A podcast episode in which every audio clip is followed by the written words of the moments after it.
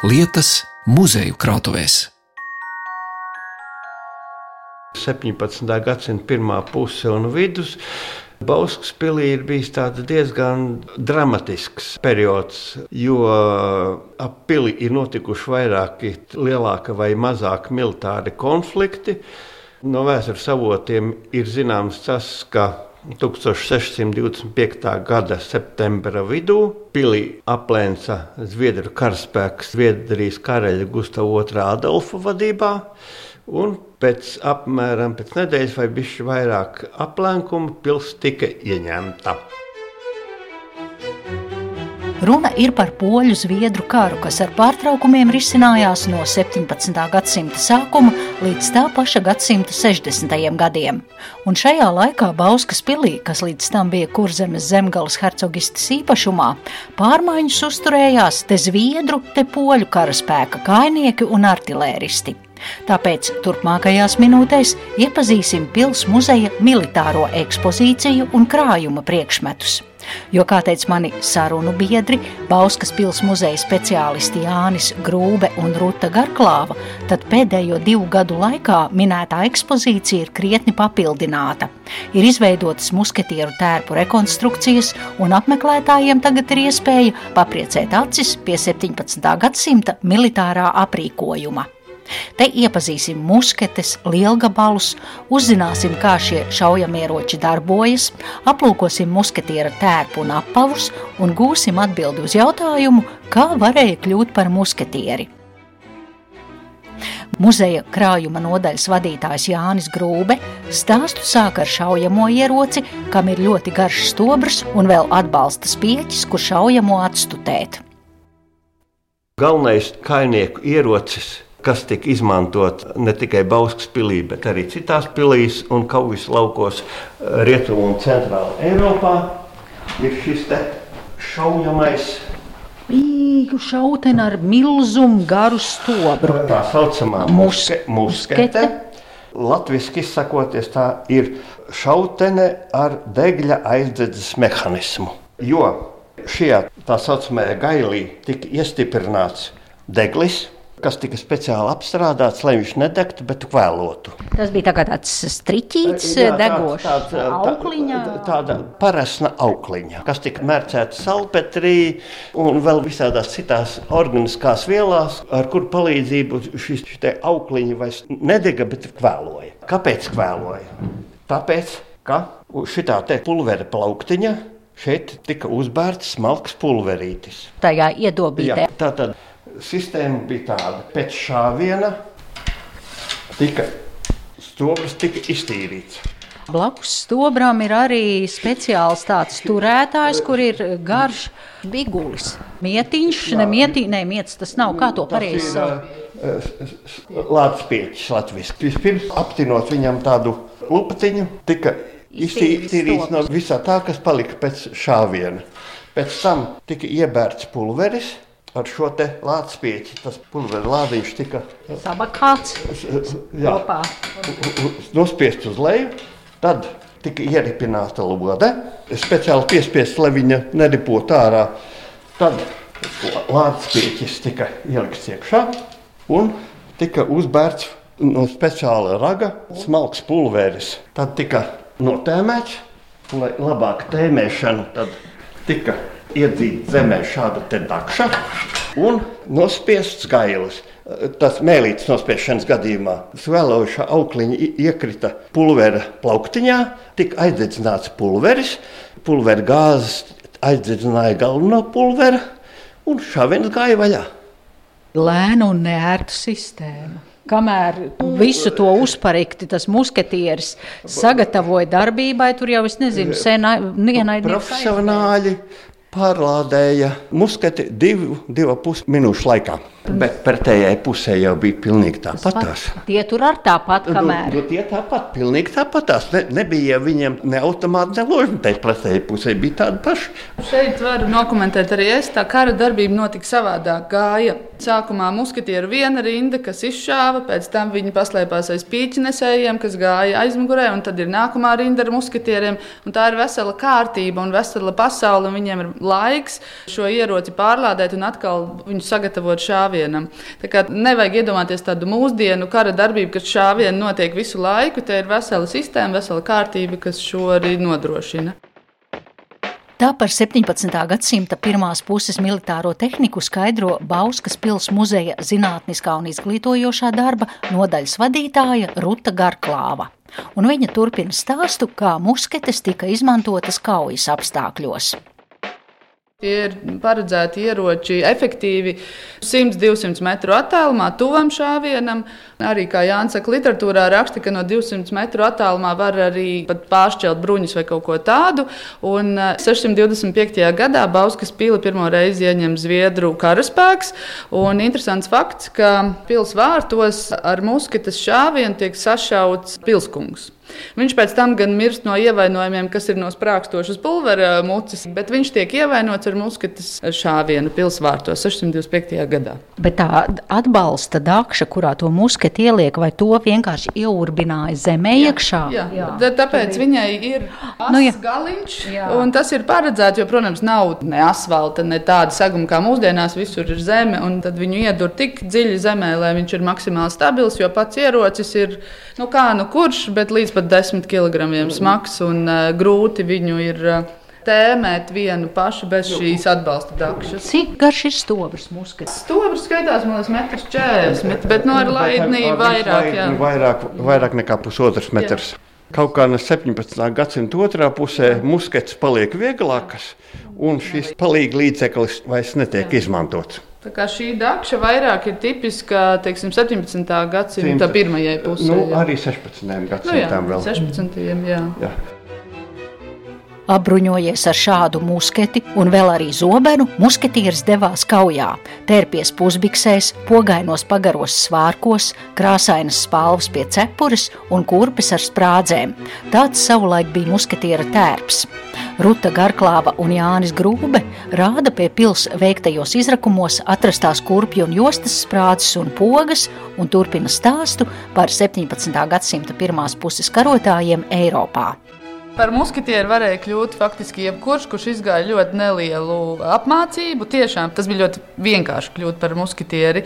Bet mēs arī vēl ekspozīcijā redzēsim, ka muskatieri bija, es varētu teikt, apkārušies ar ļoti daudz dažādiem priekšmetiem. Jo bez tā, ko mēs pašreiz runājam par musketi un um, šo atbalsta dakšu, viņiem vēl bija pulvera mēru josta, kas vēl to visu padarīja smagāku un vēl sarežģītāku visu šo pārvietošanos.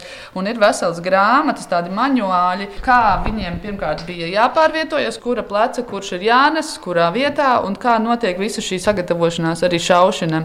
Nu, Tātad ir veselas konkrētas darbības, kas un kā viņiem bija jāveic, lai viņi drīkstētu šaut, bet neskatoties uz to, ka jebkurš varēja kļūt par muskatieri.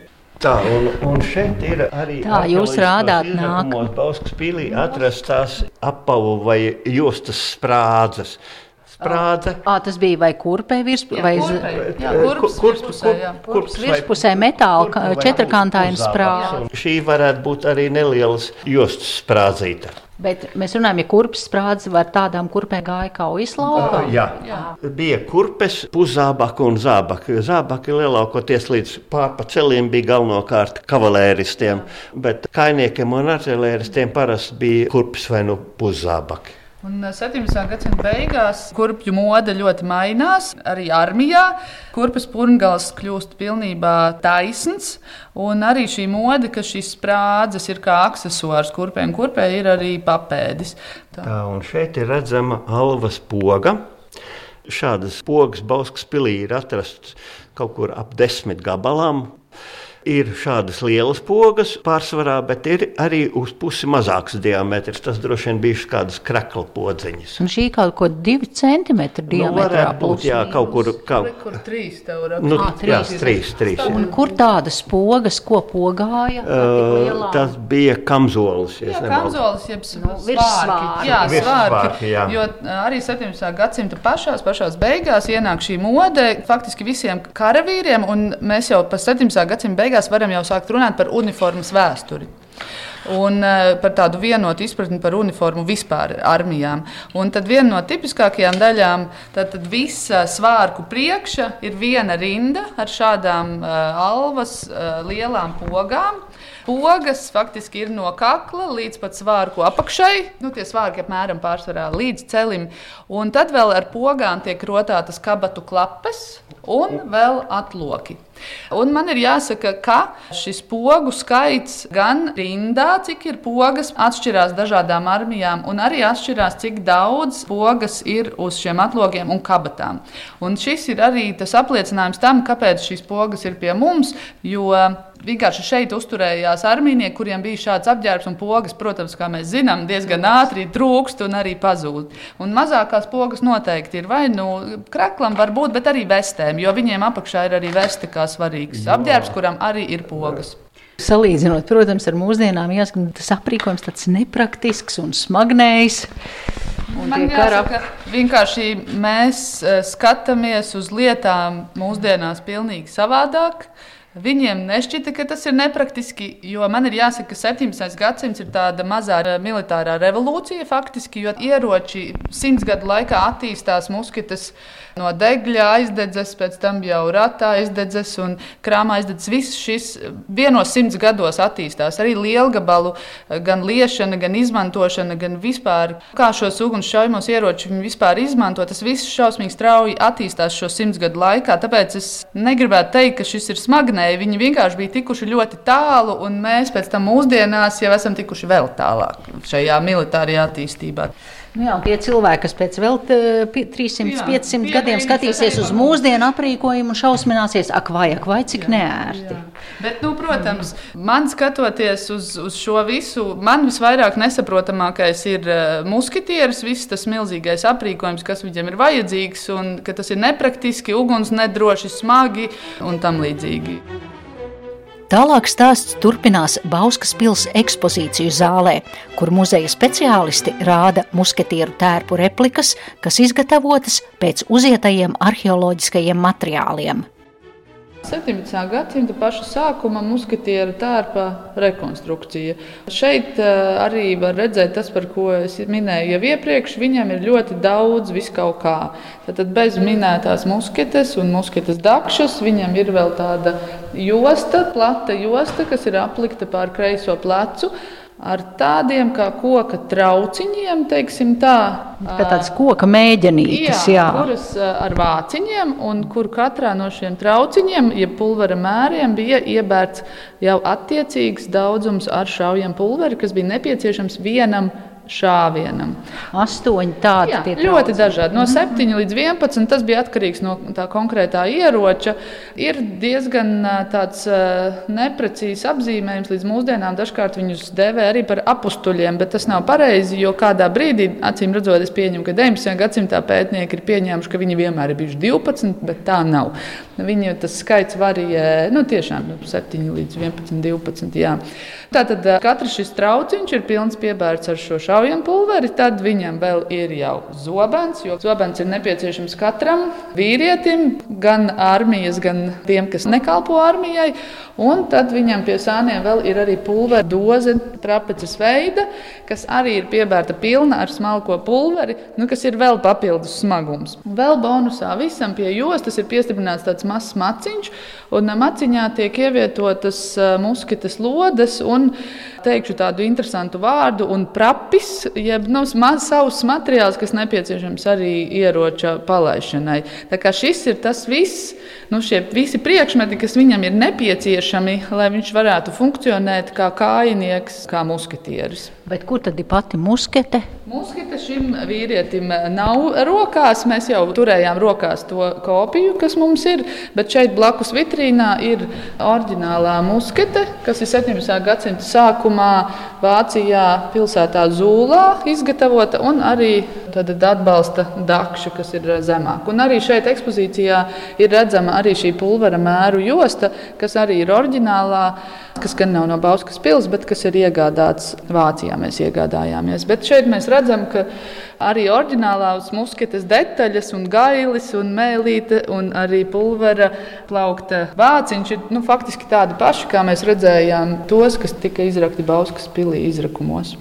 Tā, cik jūs teicāt, kāds ir musketes svars? Svars varēja būt dažāds, sākot no kādiem 4 kg līdz kādiem 6 kg 16. gadsimtā un 17. gadsimta pirmajā pusē un līdz 5 kg 17. gadsimta otrā pusē. Kad uh, manis jau minētā atbalsta takša vairs netika izmantota. Tā, bet tad mēs pieskaitām, teiksim, nu, te kaut kādi 6 kg, tad vēl tā dakša kaut kādu mm -hmm. pusotru kilogramu, tad tas šaujam pulveru dozi ir tāda jā. liela cieta lodes, tad tie uh, pulveru dozītes. Jā. Nē, nu šodien karavīram militārā uzskaba ir 30 plus mīnus kilogrami. Karavīram sanāk vairāk, jo mūsdienu karavīram, kā jūs ziniet, arī ir bruņu veste, tērauda vai plastikāta bruņu cepure. Josta, kurā arī ir munīcija ielikt vairākās kārtās, nu, nav vienīgi zobena. Nu jā, bet šim laikam tas apģērbs par tādu funkcionālu nenosauks. Mēs skatāmies filcu platmalē ar krāsainām spalvām, tad tās pusbikses, kad atbilstoši to laiku modei ar pušķiem sānos. Jā, šis ir ļoti tipisks modes apģērbs. Kā jau es minēju, uniforma kā atsevišķs jēdziens parādās 17. gadsimta otrajā pusē. 17. gadsimta sākumā vēl nu, nav tāda izpratne, ka visiem jābūt vienādām uniformām vai vienādām krāsām. Labākajā gadījumā karaspēkam varētu būt vienāda toņa apģērba, bet to varēja atļauties tikai nu, bagātākās armijas. Bet es negribētu piekrist, ka viņš bija nepraktisks. Jo faktiski Tas apģērbs, protams, ir modes apģērbs, bet filca cepure ir no bieza, blīva filca. Tad, tad lietus sniegs nenāk virsū. Saules, no saules stariem. Jā, un kā mēs redzam, muskatierim ir paceltā vienā pusē tātad cepure. Tas ir arī lai netraucētu viņam šaut, un lai viņš varētu nu, arī ar zobenu vicināties un tam līdzīgi. Un platmalas malas ir pietiekami lielas, arī kad viņš pielādē, arī, nu, ja gāž lietus, tad nelīst virsū musketes eh, plauktiņam no atverēja.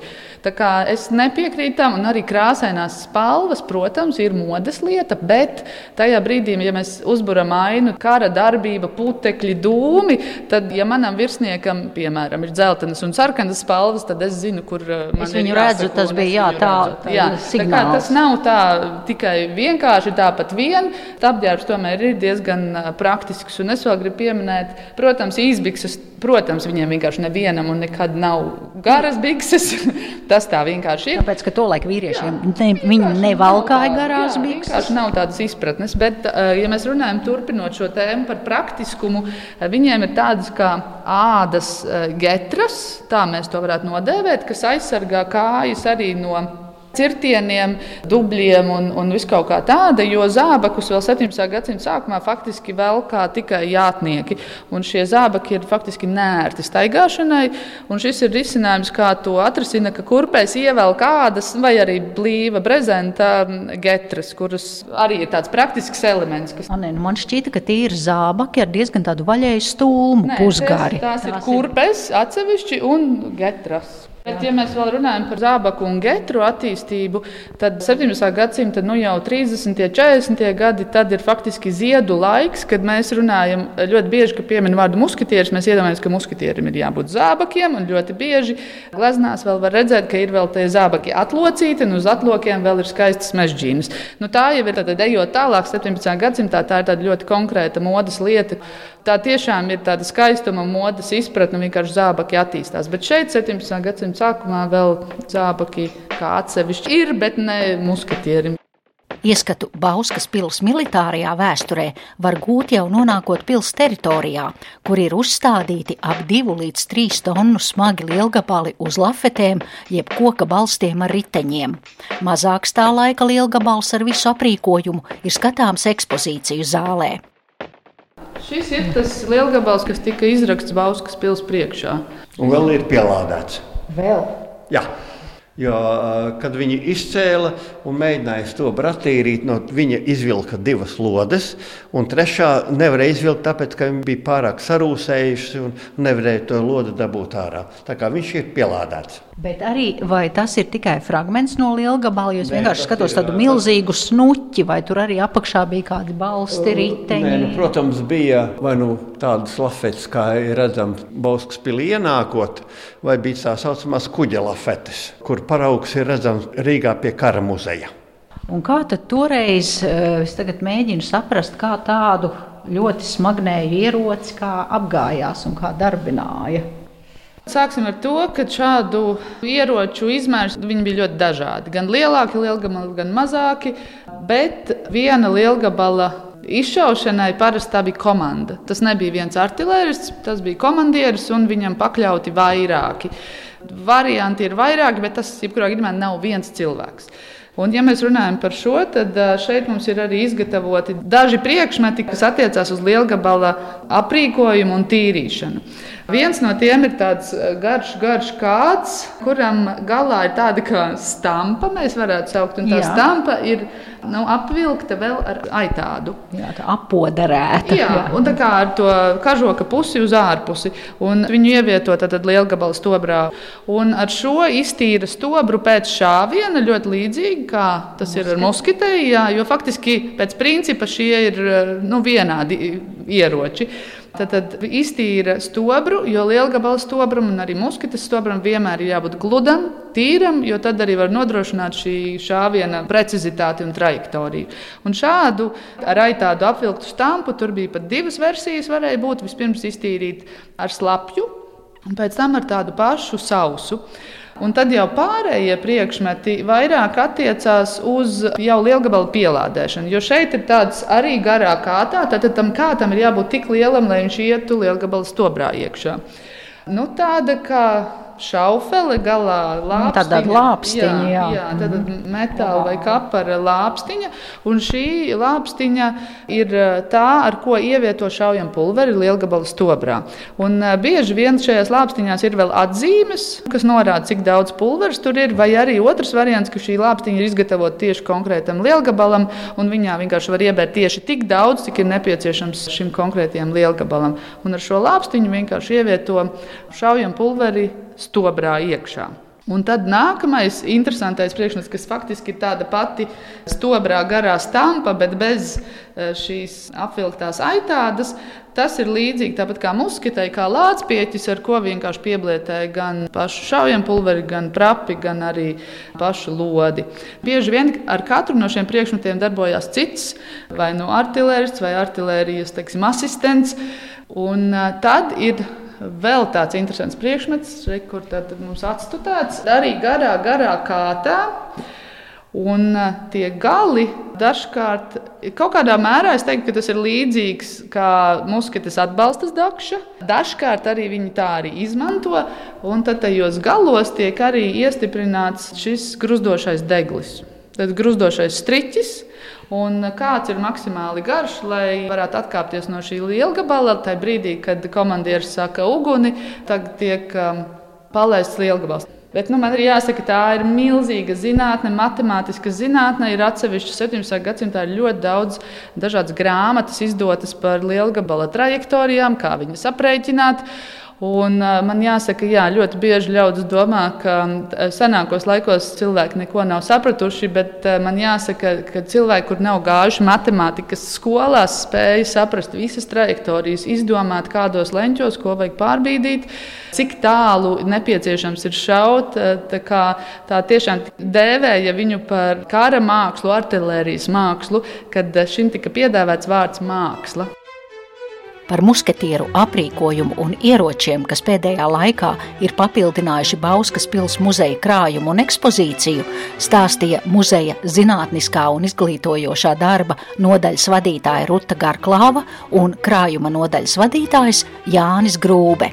Raidījumu veidoja Zane Lāce Baltāksne. Vietu lietas.